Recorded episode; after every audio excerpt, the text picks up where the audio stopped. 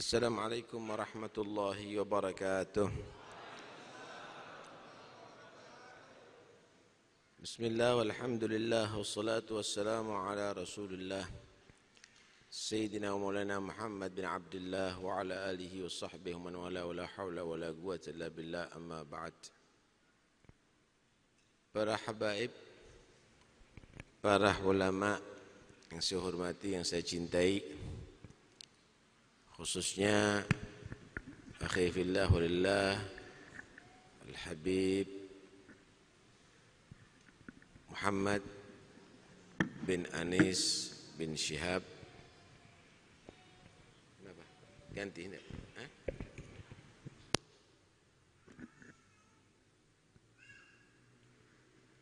Segenap panitia penyelenggara dan takmir masjid yang saya hormati pejabat pemerintah yang mungkin hadir baik yang sipil, Polri atau TNI yang saya hormati, hadirin dan hadirat yang dirahmati Allah Subhanahu wa taala. Riwayat Baihaqi Rasulullah sallallahu alaihi wasallam bersabda, "Kaifa antum idza waqa'at fikum khamsun. Wa a'udzu billah an takuna fikum aw tudrikuhunna. Bagaimana jika terjadi lima hal pada kalian semuanya? Dan aku memohon kepada Allah Allah melindungi kalian daripada lima hal ini. Supaya tidak terjadi atau kalian menemui masanya zamannya. Nabi khawatir terhadap lima hal ini terjadi pada umatnya. Yang pertama, ma baharatil fahishatu fi qaumin qad ya'malu biha fihim alaniyatan إلا ظهر فيهم الطاعون والأوجاع التي لم تكن في أسلافهم Yang pertama Tidaklah menjadi lumrah Nampak Menjadi umum perzinaan Pada satu masyarakat mereka melakukannya dengan terang-terangan. Pelacur tidak merasa itu adalah aib. Bahkan kalau perlu dilindungi dan ada yang membekengi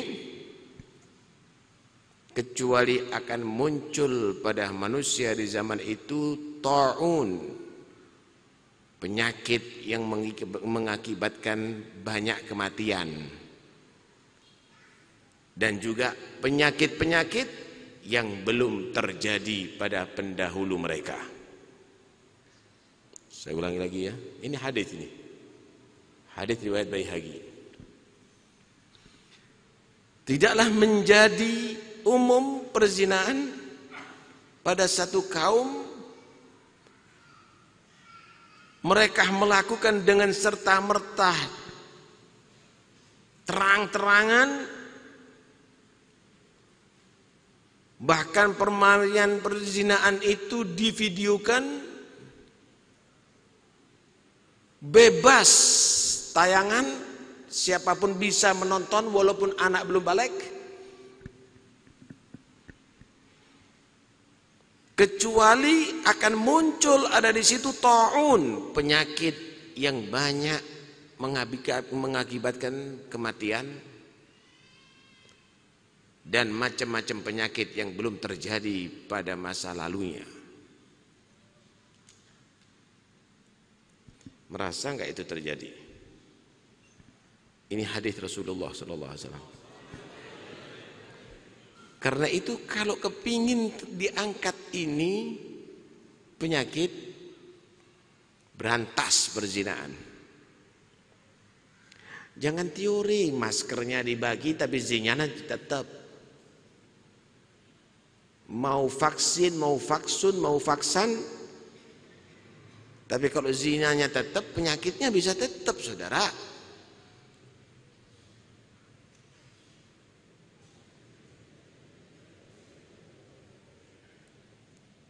Yang kedua,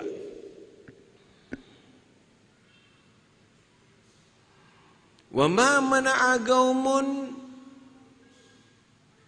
az-zakata illa muni'al qatru minas sama. Illa muni'u al-qatra minas sama. Walaula al-bahaim lam yumtaru.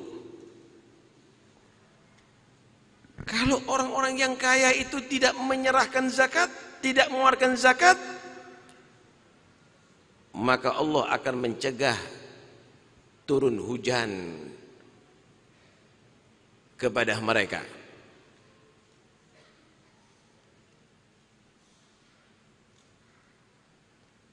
Turunnya hujan hanya karena Allah rahmat kepada binatang, karena manusia lebih ganas daripada singa dan serigala, saudara. Mereka tidak peduli lagi dengan orang-orang miskin. Mereka tidak peduli lagi dengan fukara mereka tidak peduli lagi dengan anak yatim. Padahal mereka punya hak dalam harta mereka daripada zakat. Akan terjadi terjadi kemarau panjang.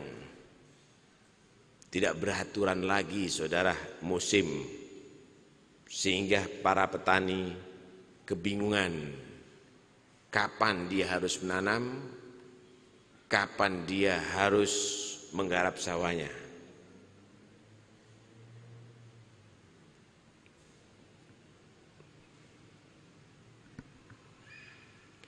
Rahmat Allah itu adalah bergantung rahmat manusia di antara mereka. Karena itu Allah menyatakan, Nabi menyatakan Ar-Rahimuna yarhamuhumur Rahman irhamu man fil ardi yarhamkum man fis sama Orang yang berhati rahmat akan dirahmati Allah yang Rahman. Rahmati manusia yang ada di bumi, maka yang di langit akan rahmat kepada Anda. Man lam yarham la yurham. Siapa yang tidak mempunyai rahmat tidak berhak mendapatkan rahmat Allah Subhanahu wa taala. Ketidakpedulian walaupun dengan keluarga, walaupun saudara itulah yang menyebabkan rahmat tidak diturunkan oleh Allah Subhanahu wa taala.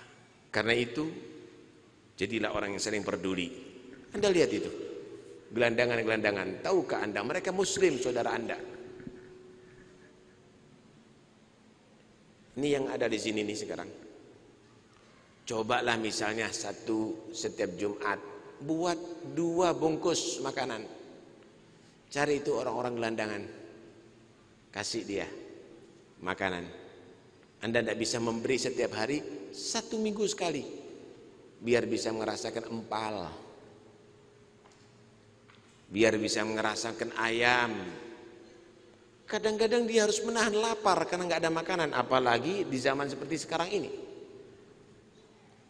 Pedulilah dengan sesama saudara Anda muslim. Biar rahmat Allah turun kepada kita, saudara. Yang ketiga, wa ma bakhasa qaumun fil mikyali wal mizan illa ukhidhu bisinin wa shiddatil mauna wa jawri wa jawri sultan alaihim. Tidak ada pedagang-pedagang yang dia tadi itu pandai mencuri timbangan dan takaran bahkan mencuri dengan pena duit negara banyak. Itu yang terjadi mulai atas sampai RT dan RW misalnya kecuali akan mendapatkan tiga.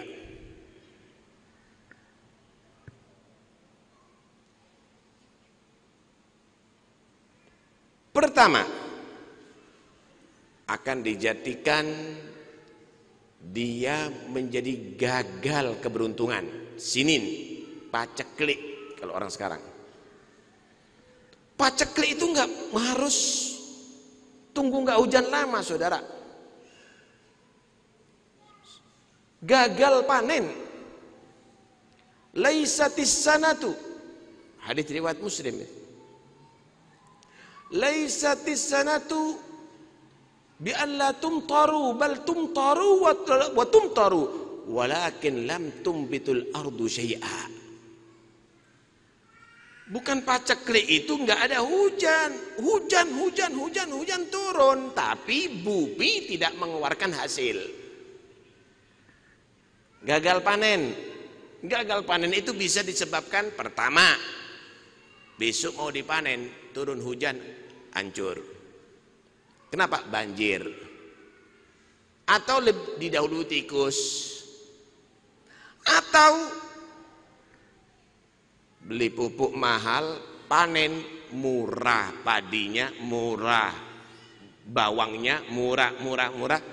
Rugi saudara gagal panen. Kenapa? Anda tidak jujur dalam jual belinya.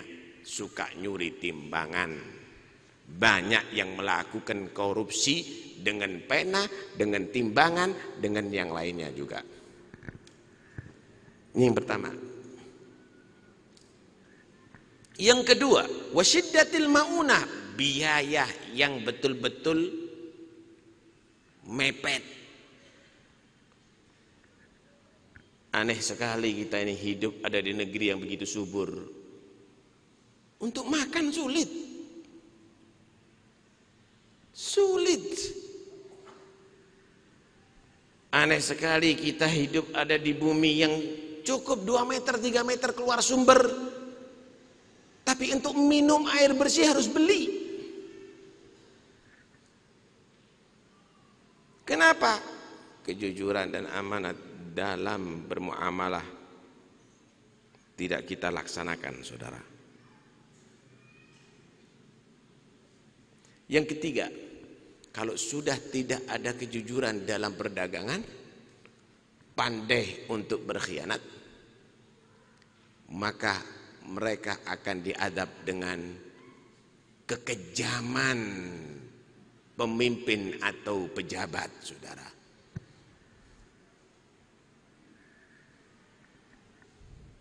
Mereka akan semena-mena. Mereka akan bisa menyiksa. Yang ketiga, ini hadis Nabi, saya hanya menerjemah riwayat Baihaqi.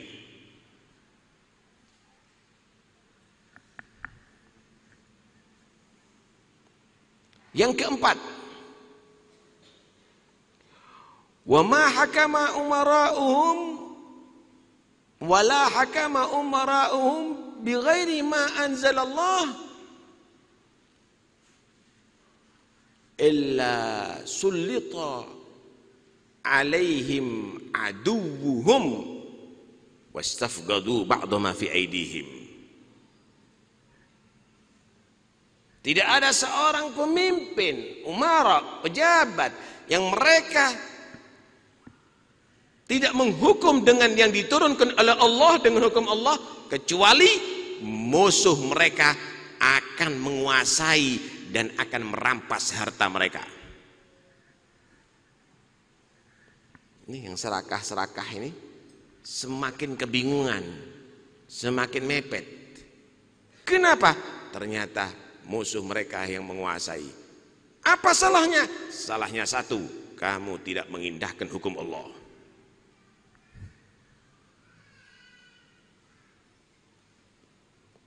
Kita diperintahkan untuk berhati-hati dengan orang Yahudi misalnya.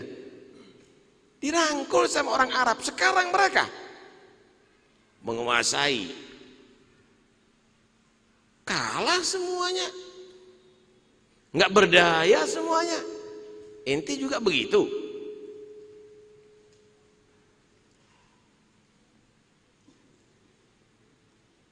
Jadikanlah keputusan Allah adalah keputusan yang absolut yang tidak bisa dirubah dengan keputusan mana pun saudara. Maka anda akan berjaya pada setiap zaman dan di, di, di semua tempat.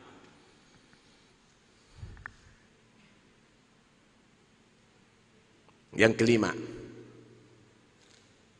Wa kitab Allah wa sunnata rasulihi illa ja'alallahu ba'sahum bainahum tidak ada orang yang mengabaikan Al-Quran tidak ada satu kaum kaum yang mereka mengabaikan Al-Quran dan sunnahnya Nabi ajaran Allah ajaran Nabi nggak diperdulikan jangan bawa agama ke mana-mana ya.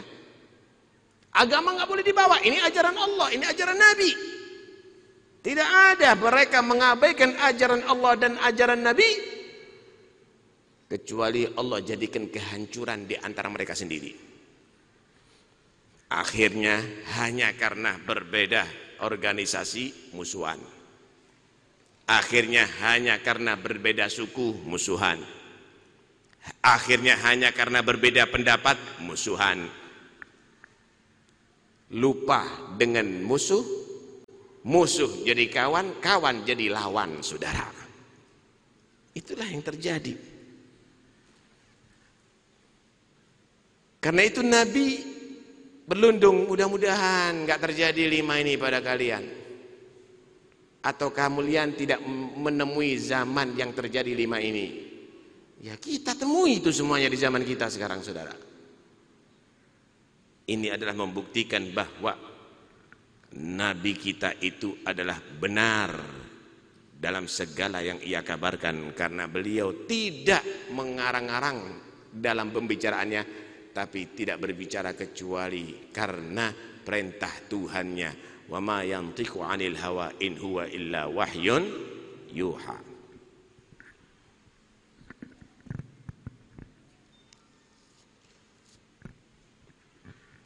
Orang yang beriman pada setiap perubahan dalam kehidupan kita orang beriman alhamdulillah pada setiap perubahan dalam kehidupan dia harus mengambil ibrah dan fikrah karena dia yakin tidaklah Allah menjadikan itu kecuali untuk kebaikan yang Allah berikan kepada orang beriman Kenapa terjadi penyakit corona? Kenapa terjadi kerusuhan? Kenapa terjadi permusuhan? Kenapa terjadi krisis? Kenapa, kenapa, kenapa, kenapa? Itu adalah satu teguran daripada Allah untuk kita sadar dan kembali kepadanya wala nudhiqannahum minal adzabil adna dunal adzabil akbari la'allahum yarji'un benar-benar aku akan jadikan mereka merasa azab yang kecil bukan azab yang besar. Bukan Allah hancurkan anda seperti kaum Nabi Nuh kaum Nabi Hud atau yang lainnya. Azab yang kecil ini saudara. Bukan azab yang besar. Untuk supaya mereka kembali kepada ajaran Allah. Karena Allah itu maha cemburu. Kapan anda sudah lebih cinta kepada Allah pasti anda ditegur oleh Allah tapi kalau anda tidak sadar mungkin itu adalah satu malapetaka nantinya saudara karena itu orang beriman harus sadar dengan teguran ini semuanya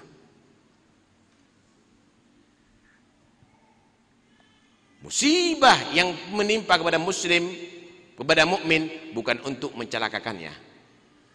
Bisa pertama teguran untuk supaya dia berubah menjadi baik.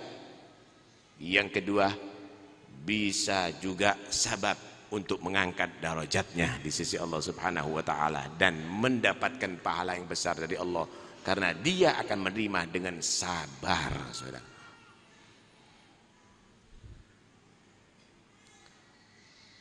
Orang yang beriman dia akan yakin apa yang terjadi itu adalah karena ketentuan Tuhan. Gulla yusibana illa ma kataballahu lana. Katakan apa yang terjadi pada kami itu karena sudah memang ditentukan oleh Allah. Anda berusahalah. Kalau Anda diberi sehat, berusahalah untuk menjaga kesehatan. Anda boleh pakai masker. Anda boleh ke dokter. Anda boleh melakukan itu semuanya. Tapi tahukah Anda, dokternya juga bisa kena COVID, saudara. Bukan hanya yang ada di jalan, saudara. Yang di istana pun bisa jika kena COVID, saudara. Itu adalah satu bukti musibah itu akan datang sesuai dengan yang Allah tentukan. Tapi bukan berarti Anda menjadi penantang musibah. Mana COVID-nya? Biar ke ana. Jangan Anda sombong. Allah benci dengan orang yang sombong. Berusaha. Tapi tetap berharap kepada Allah subhanahu wa ta'ala. Jangan menjadi orang sombong. Dan jangan kamu tadi itu meyakini masker adalah penyelamat. Dokter adalah penyelamat tapi Allah yang menyelamatkan anda yusibana illa ma kataballahu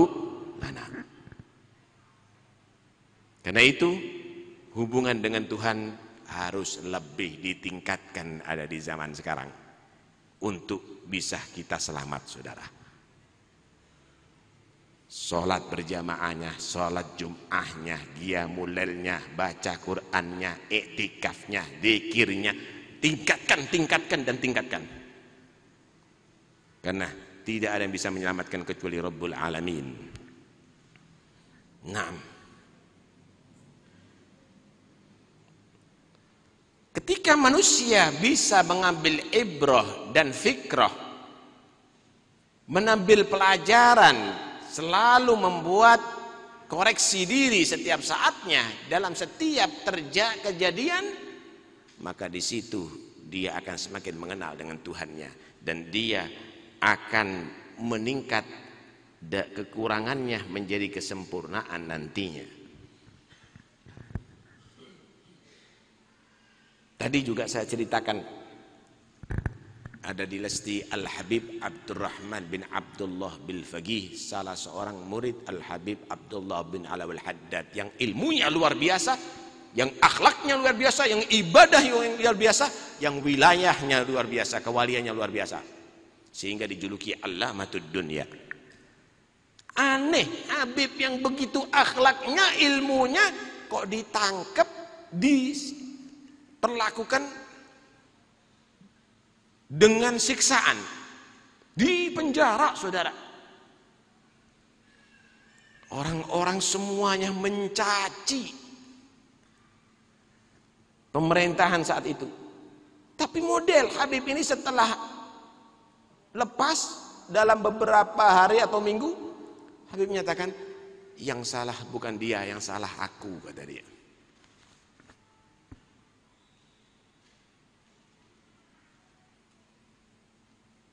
Habib kata dia dia yang menangkap dia yang masukkan anda penjara apa salah anda iya aku yang salah kata kenapa karena aku punya pelayan yang selalu khidmat kepada aku belum aku tanyakan sudah sholat apa enggak selama dia bekerja di sini. Hada kulluhu wa ga'fiyya bisabab taksirina fi haqqi rabbina. Ini semuanya terjadi padaku karena sebab kesembronoanku terhadap hak Tuhanku. Koreksi diri kita masing-masing. Suami pernah tanya pada istrinya, gimana sholatnya tadi, sendiri atau berjamaah? sama anaknya masing-masing pernah tanya atasan kepada bawahan pernah tanya sholatnya bos kepada pegawainya nggak ada yang peduli saudara dengan itu semuanya begitulah orang mukmin setiap mendapatkan musibah harus koreksi kenapa begini koreksi dan koreksi kalau tidak Anda menjadi orang yang sombong nantinya merasa sempurna. Entar lagi jadi Tuhan nanti. Lihat bagaimana orang yang begitu yang dekat kepada Allah, dia akan menyadari itu kekurangan dirinya dan akhirnya berubah, Saudara. Kejadian yang ada sekarang ini adalah untuk koreksi bersama. Rakyat koreksi, pejabat koreksi, DPR koreksi, presiden koreksi, kemudian TNI koreksi, Polri koreksi, ulama koreksi, koreksi, koreksi, koreksi, koreksi, koreksi. Ayo kita berubah semuanya. Kembali kepada titik. Jalan ini diridhoi oleh Allah. Selesai ini negeri. Selesai. Tapi ketika semuanya merasa benar, akhirnya semuanya akan menjadi bengis, saudara. Bukankah ada silah persatuan? Ada di Pancasila? Kenapa tidak ingat dengan silah itu? Karena itu ayo kita harus sadar. Koreksi masing-masing. Saya Taufik As-Segaf yang ada di sini. Kalau imam saya, miring saya nggak akan tahu pak. Kecuali anda negor Bib, imamnya miring. Ketika saya ditegur imam saya miring, cukup sebenarnya saya betulkan imam saya. Terima kasih. Kenapa? Anda tujuannya bukan mencemarkan saya, tapi Anda tujuannya untuk menyempurnakan saya. Hebat jadinya. Tapi ketika saya menjawab, nggak usah ikut campur urusan saya. Ini serban saya sendiri. Akhirnya saya tidak berubah, tambah aib jadinya. Begitulah kita satu sama lain. Ayo saling menegur. Habib, matanya kotor. Mata-mata saya sendiri. Kan cukup sebenarnya Anda hargai. Terima kasih ya. Bersih jadinya langsung. Enak jadinya. Nah, sehingga kita bukan menjadi tontonan musuh-musuh kita. Kenapa? Kita menjadi orang yang bersatu setiap saatnya, saudara. Nah, kembali kepada hadis lima hal tadi itu. Berarti apa yang harus kita sikapi? Pertama, ayo kita jaga negeri ini daripada perzinaan. Kita harus sama-sama bersatu untuk memberantas perzinaan. Kasihan anak-anak kecil-kecil yang ikut bergabung dalam pang-pang itu. Ngajinya enggak, ngaji enggak, belajar enggak. Masih belasan tahun menjadi pecandu miras Kemudian mereka tadi itu seks bebas. Sian mereka. Saudara kita, saudara. Ayo kita pikir bersama. Gimana caranya mereka mengentas. Ini kalau enggak akan menjadi orang-orang kriminal masa depan. Kesian. Kita bukan membenci, ayo kita atasi bersama. Ini yang pertama.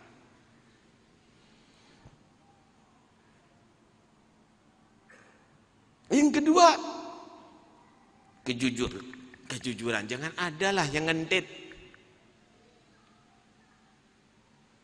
Jujur dalam berdagang, jujur dalam Anda menjalankan jabatan, jujur sebagai takmir masjid, jujur sebagai ulama, jujur, jujur, jujur. Jangan kemunafikan yang semakin ditebar ada di mana-mana.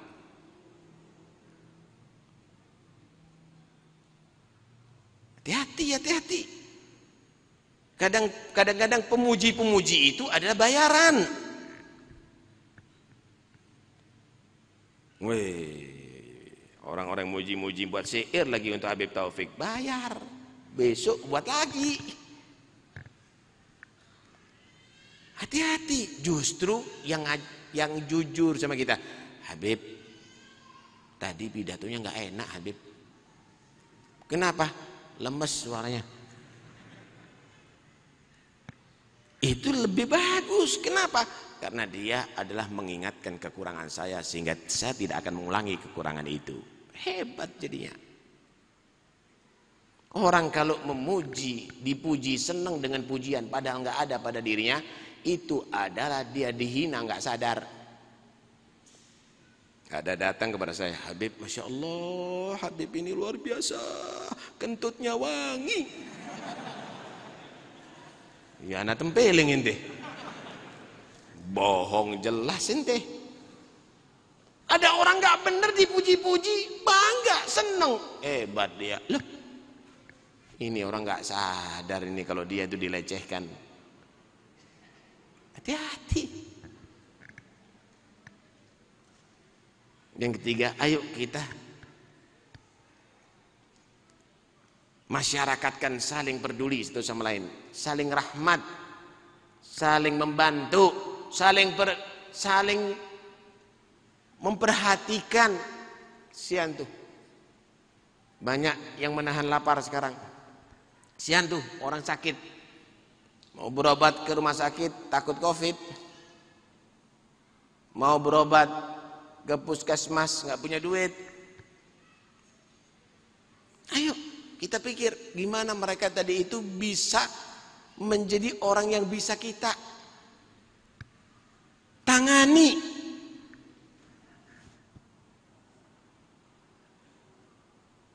Rahmat di antara kita harus kita tanamkan. Anak-anak kita kita ajari. Ada orang yang tidak yang nggak punya, dikasih kena biar berkah. Gitu. Jangan nanti kita sembunyi, bilang bapak nggak ada. Anaknya udah dikasih diajari bohong.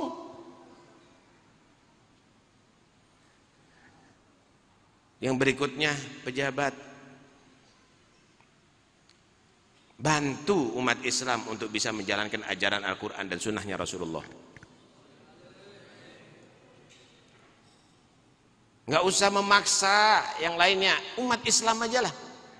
Kan haknya kita kalau kita mengamalkan ajaran Al-Quran dan sunnahnya Nabi dan ajaran Nabi Muhammad SAW.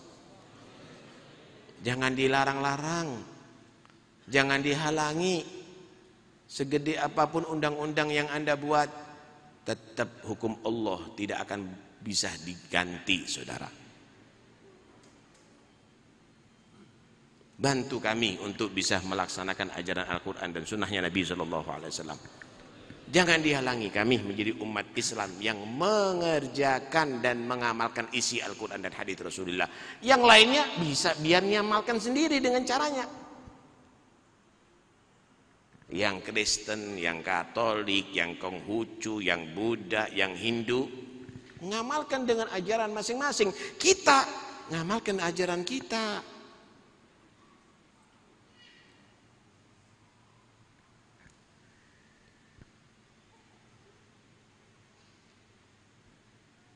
Yang berikutnya Yuk kita semuanya jadi bersatu Caranya bersatu kembalikan kepada Al-Quran dan ajaran Nabi Muhammad Sallallahu Alaihi Wasallam. Semenjak tidak bertentangan dengan Al-Quran dan hadis, udahlah itu berarti majalul istihad. Itu adalah istihad masing-masing. Kalau ada yang menyatakan khomer itu adalah tidak haram, baru kita sepakat. Kita harus jawab bersama-sama. Kalau ada menyatakan zina itu tidak haram, baru kita sepakat. Tapi kalau memang belum ada larangan dari Al-Quran dan hadis, berarti ijtihad masing-masing. Yang mau mengamalkan asal tidak bertentangan boleh, yang tidak mengamalkan juga boleh. Selesai. Pengajian kok ruwet itu dok. Capek akhirnya umat Islam. Sampai kapan? Kunut dak mari-mari pembahasan ini? Sampai kapan tahlil nggak selesai-selesai pembahasannya? Sampai kapan hol manakib nggak selesai-selesai pembahasannya? Akhirnya semua memaksakan dalil. Dalilnya dipokso. Yang mengharamkan mokso dalil ini, yang menghalalkan mokso dalil ini. Apa-apaan? Karena itu, ayo kita menjadi orang yang sadar di zaman ini kita harus kembali lagi menjadi orang yang bersatu untuk Allah dan untuk Rasulullah. Siap bersatu Allah untuk Allah dan Rasulnya? Pulang nanti kita terapkan ajaran Islam di rumah tangga kita. Siap apa enggak? Keluarga kita kita dudukkan ayo kita sholat berjamaah setiap saatnya mohon kepada Allah untuk keselamatan umat Islam. Ini yang hadir kalau yang hadir ini 2000 kalau per orang bisa mengajak 10 berarti 20 ribu orang yang mohon kepada Allah dan sholat berjamaah saudara. Hebat Ayo kita menjadi orang yang menghidupkan sunnah Nabi. Siap menghidupkan sunnah Nabi? Baca Quran kita terapkan di rumah tangga kita. Anak-anak kita perdulikan itu semuanya. Yang punya toko, yang punya pabrik, yang punya usaha, bagi. Ini grup orang melarat atau ada juga pengusaha di sini? Yang punya pengusaha, pegawai-pegawainya, dudukkan semuanya, mulai sekarang sholat berjamaah yang nggak sholat berjamaah saya kasih teguran pertama kedua kalau tidak saya pecat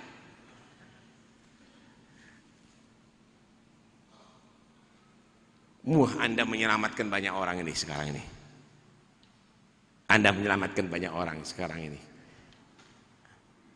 Biar senang Nabi Muhammad. Biar senang Rasulullah sallallahu alaihi wa alihi wasallam pun ini sudah terlalu malam. Saya paham sampean menunggu kapan selesai Habib Taufik. Sebelum saya diturunkan saya harus berhenti daripada ucapan ini. Sudah makan apa belum? Apalagi belum makan saya takut dimakan sama sampean.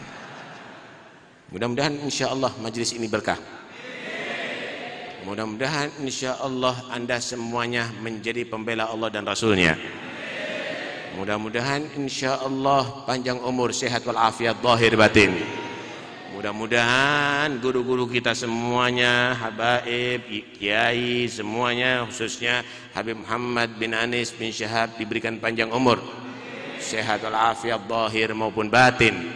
Dan mudah-mudahan kita menjadi tetap bersaudara, bersatu negeri ini mudah-mudahan insya Allah dijaga oleh Allah daripada segala perusak.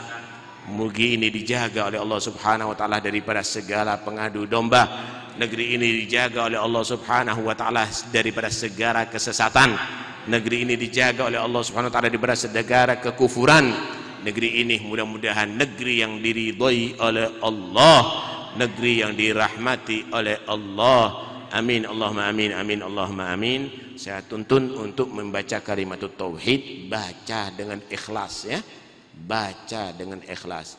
La ilaha illallah al-mawjud fi kulli zaman. La ilaha illallah al-mawjud fi kulli zaman. La إله إلا الله المعبود في كل مكان. لا إله إلا الله المعبود في كل مكان. لا إله إلا الله المذكور بكل لسان. لا إله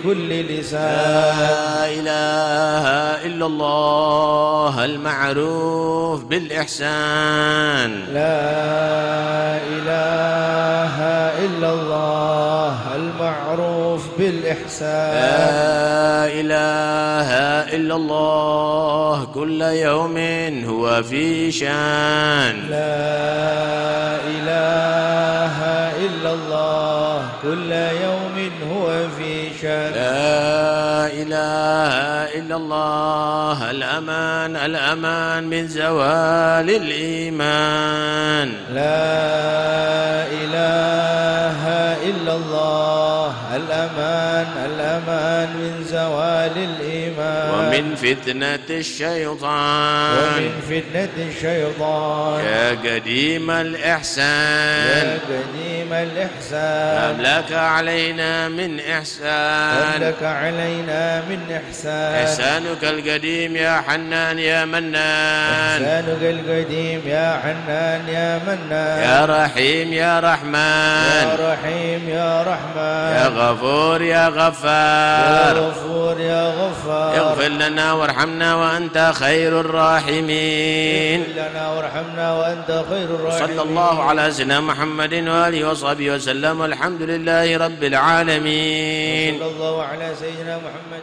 اللهم اهدنا فيمن هديت وعافنا فيمن عافيت وتولنا فيمن توليت وبارك لنا فيما أعطيت وقنا شر ما قضيت. فإنك تقضي ولا يقضى عليك فإنه لا يذل من وليت ولا يعز من عاديت. تبارك ربنا وتعاليت فلك الحمد على ما قضيت. نستغفرك ونتوب إليك. اللهم سلمنا وعافنا المسلمين. وارحمنا والطف بنا والمسلمين واكفنا وإياهم شر مصائب الدنيا والدين. اللهم أهلك أعداء الدين. اللهم شدد شملهم فرق جمعهم خرب غيرهم قلل عددهم واجعلهم في الغابرين الخاسرين الهالكين يا رب العالمين. اللهم ارفع عنا وعن المسلمين البلاء والوباء والأمراض والأسقام والفتن والمحن.